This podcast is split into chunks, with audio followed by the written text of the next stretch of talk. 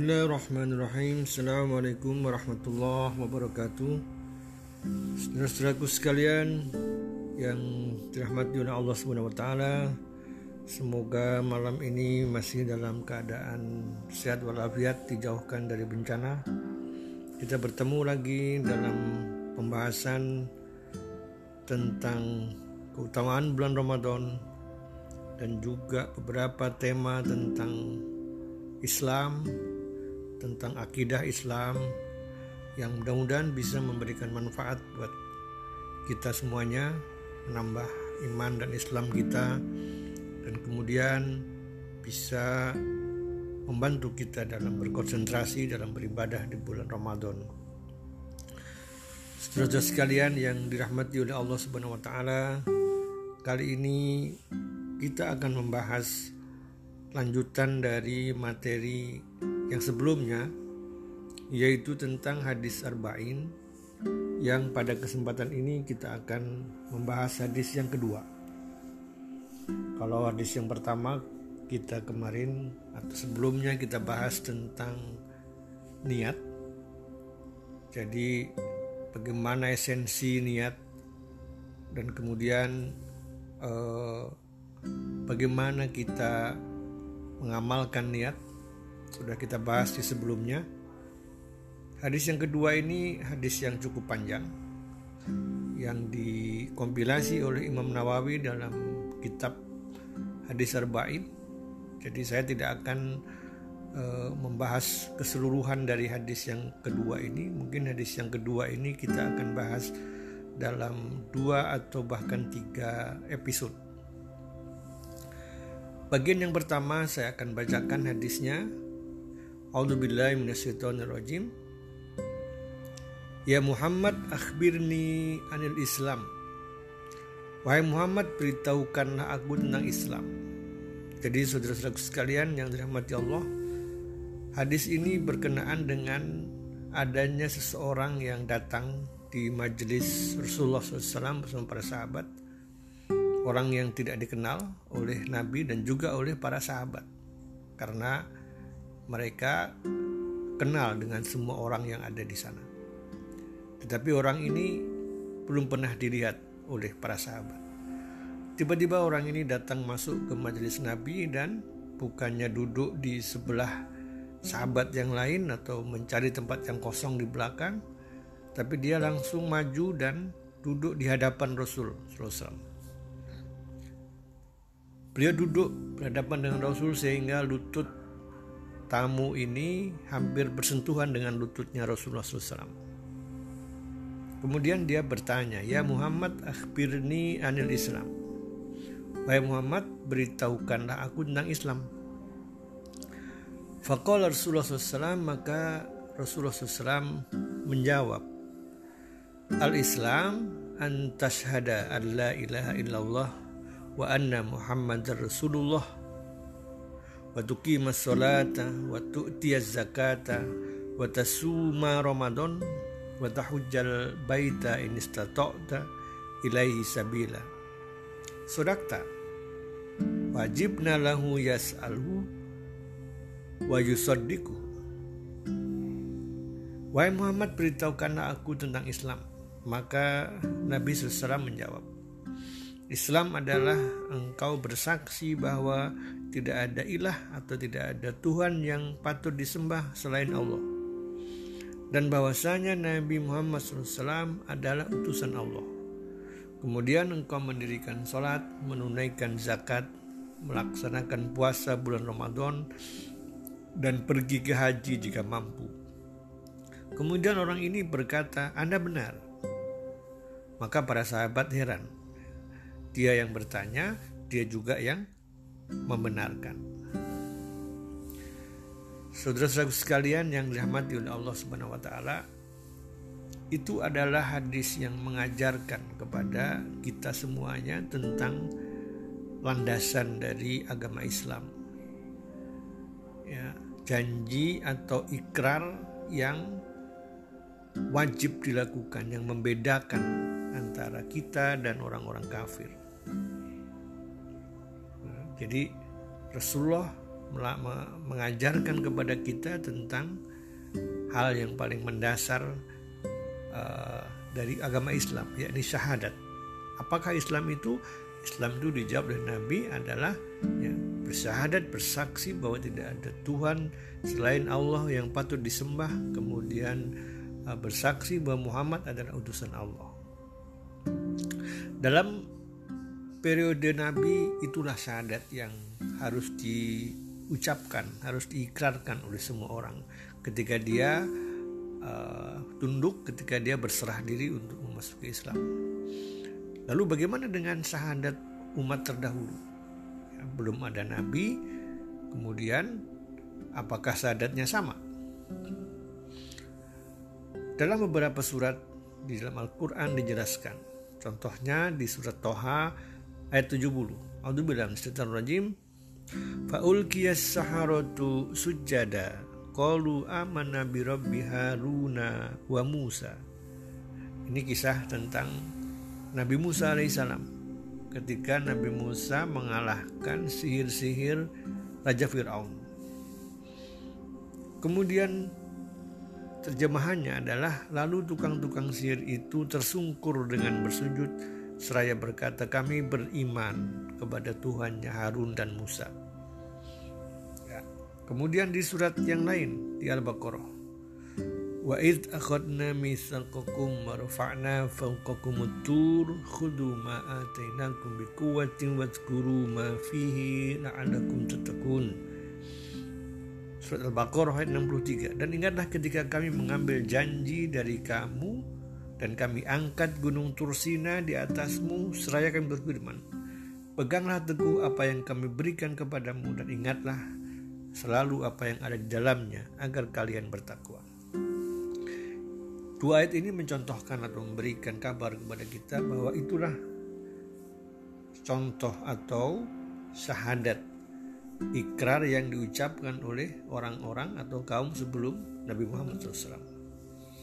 Nah, jadi intinya sama, esensinya sama, bahwa mereka berikrar, tukang-tukang sihirnya Fir'aun berikrar bahwa mereka beriman dan mengakui bahwasanya yang disembah atau Tuhan yang disembah oleh Harun dan Musa adalah Tuhan yang benar. Dan juga ketika kaum Bani Israel diangkat janjinya oleh Allah Subhanahu wa taala bahkan sampai diangkatkan gunung Tursina di atas mereka. Itu syahadat yang cukup berat.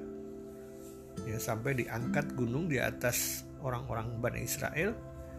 Ya, artinya ketika mereka tidak mau bersaksi, ya, bisa jadi Allah bisa meruntuhkan gunung Tursina itu menimpa kaum Bani Israel. Ya, sehingga mereka sangat ketakutan dan mereka bersaksi.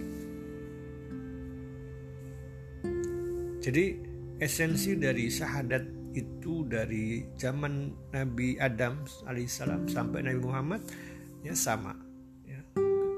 Akan tapi di zaman Nabi Muhammad SAW ditambahkan kalimat syahadat yang kedua yakni wasadu anna Muhammad Rasulullah.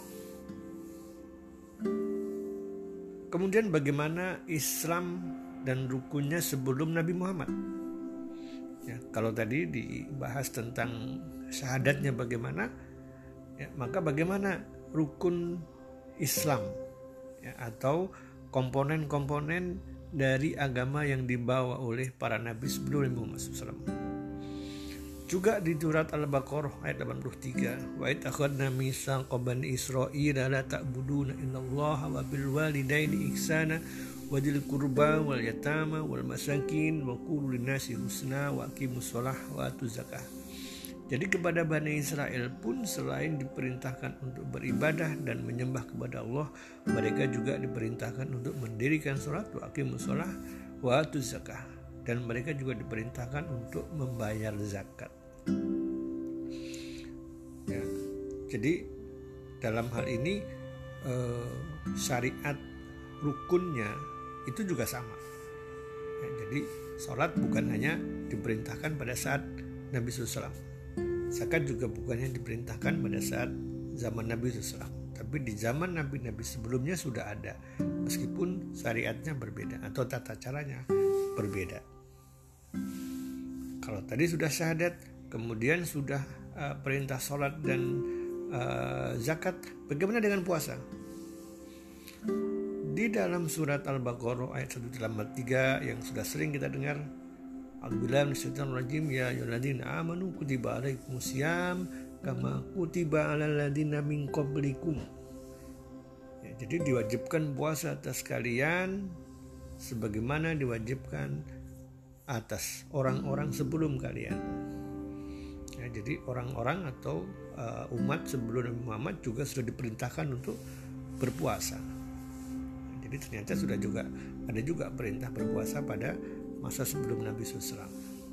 Lalu bagaimana dengan haji?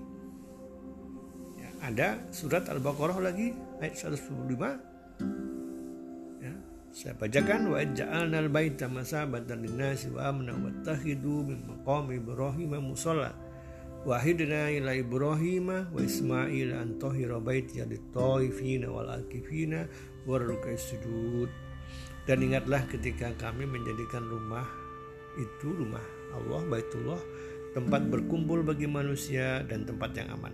Dan jadikanlah sebagian makom Ibrahim sebagai tempat sholat. Tempat berpijaknya Nabi Ibrahim ketika membangun Ka'bah. Dan telah kami perintahkan kepada Ibrahim dan Ismail bersihkanlah rumah itu untuk orang-orang yang tawaf itikaf yang ruku dan yang sujud. Jadi haji juga sudah ada. Syariat haji juga sudah ada. Uh, diperintahkan kepada umat-umat sebelum Nabi Muhammad SAW. Saudara sekalian yang dirahmati oleh Allah Subhanahu wa taala, saya ingin menyampaikan bahwa uh, esensi syahadat itu pada prinsipnya adalah sebuah proses. Sebuah proses dari uh, pemikiran manusia, dari pemahaman manusia terhadap dirinya sendiri, kemudian dengan proses berpikir yang ada pada dirinya, ada panca indera yang dia bisa gunakan untuk menangkap, untuk belajar, yang pada akhirnya syahadat tadi bisa menuntunnya menuju kebahagiaan. Ya, jadi Eh, kandungan syahadat itu paling tidak ada tiga hal. Yang pertama syahadat juga berarti ikrar. Ikrar artinya manusia berikrar, berjanji untuk melakukan sesuatu. Berikrar untuk memegang sesuatu. Syahadat juga bisa berarti sumpah. Bersumpah atas sesuatu untuk melakukan sesuatu. Ya, kemudian juga kandungan syahadat itu berarti juga perjanjian yang tertulis.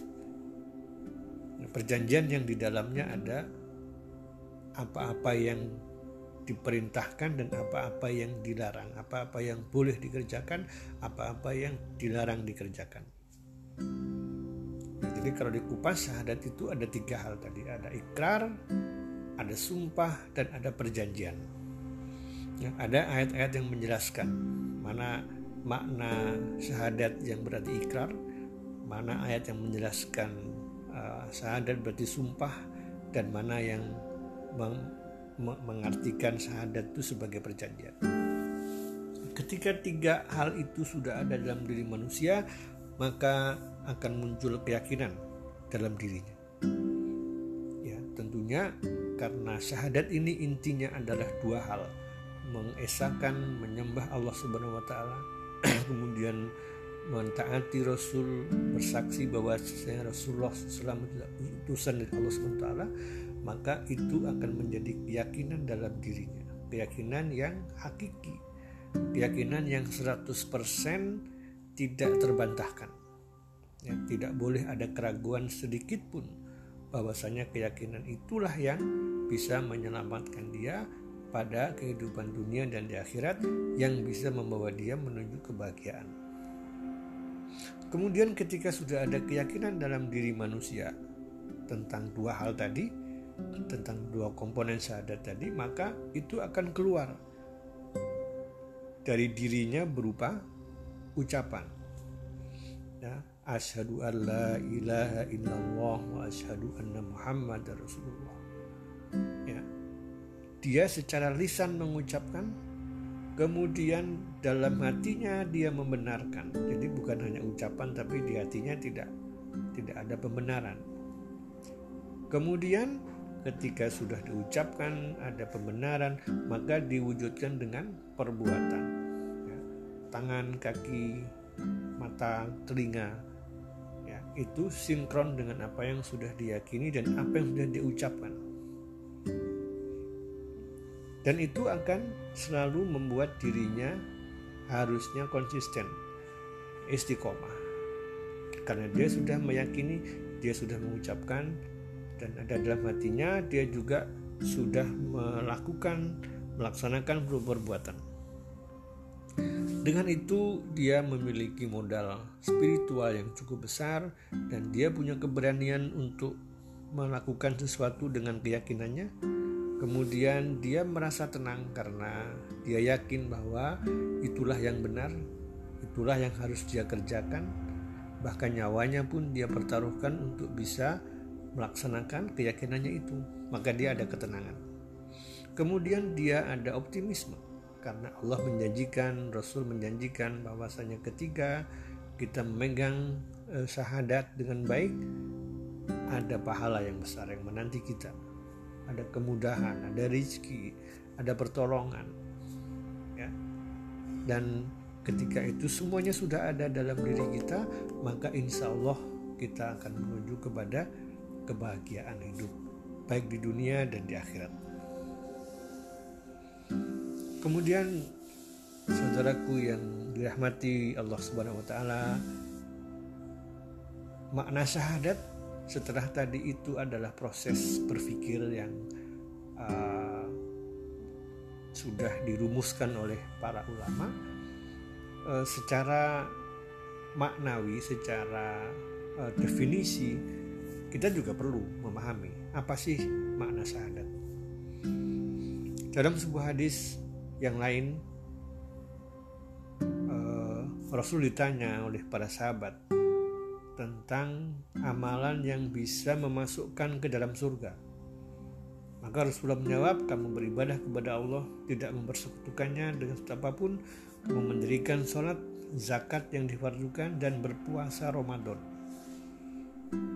Ya, jadi di sini tidak ada haji. Ya, jadi ketika orang eh, sudah beribadah dia tidak mempersekutukan dengan sesuatu apa pun dia melakukan sholat wajib membayar zakat yang diwajibkan dan berpuasa Ramadan. Dia sudah bisa masuk surga kata Rasulullah. Tentu ini berlaku bagi orang yang tidak mampu untuk berhaji ya. kalau sudah mampu ada tambahan lagi. Kemudian eh, Saudara-saudara sekalian yang dirahmati oleh Allah Subhanahu wa taala, selain definisi yang tadi sudah kita pahami, sudah kita bahas, kemudian hadis Rasulullah yang juga menyebutkan bahwa dengan syahadat tadi bisa menjamin uh, seseorang manusia untuk masuk ke surga. Ya, ada hadis lain yang juga menyebutkan hal yang demikian.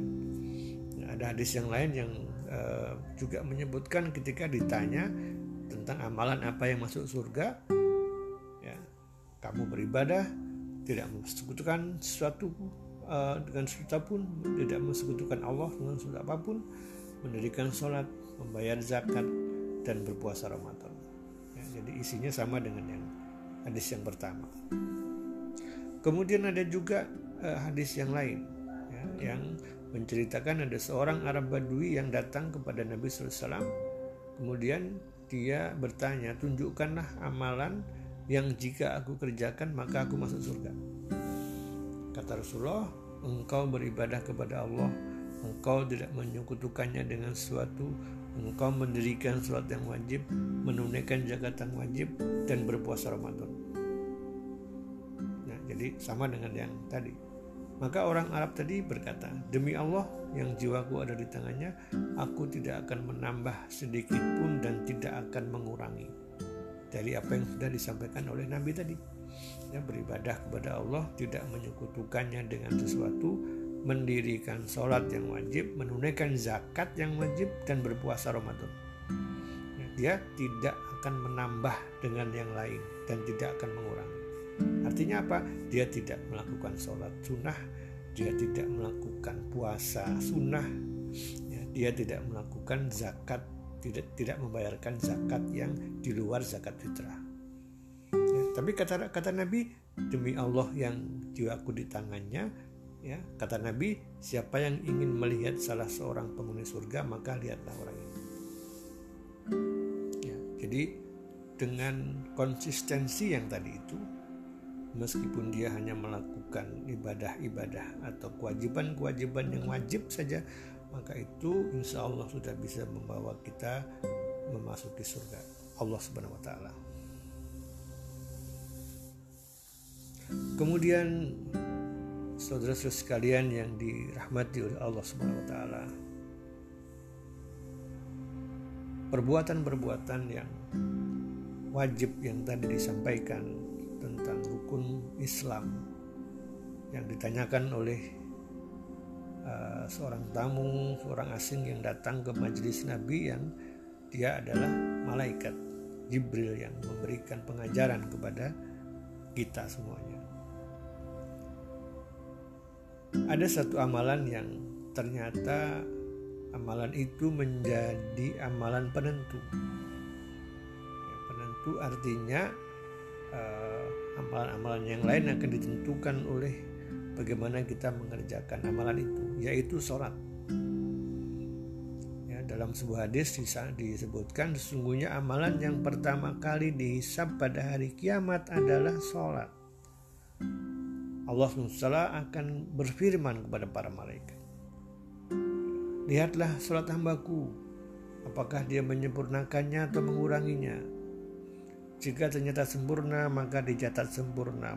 Namun jika kurang, maka Allah berfirman, lihatlah apakah hambaku memiliki ibadah sunnah. Ibadah sholat sunnah.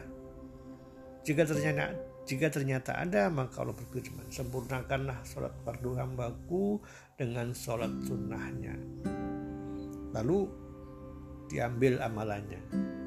Artinya ibadah sholat sunnah itu menjadi pelengkap dari ibadah sholat fardu yang masih dinilai kurang oleh para malaikat.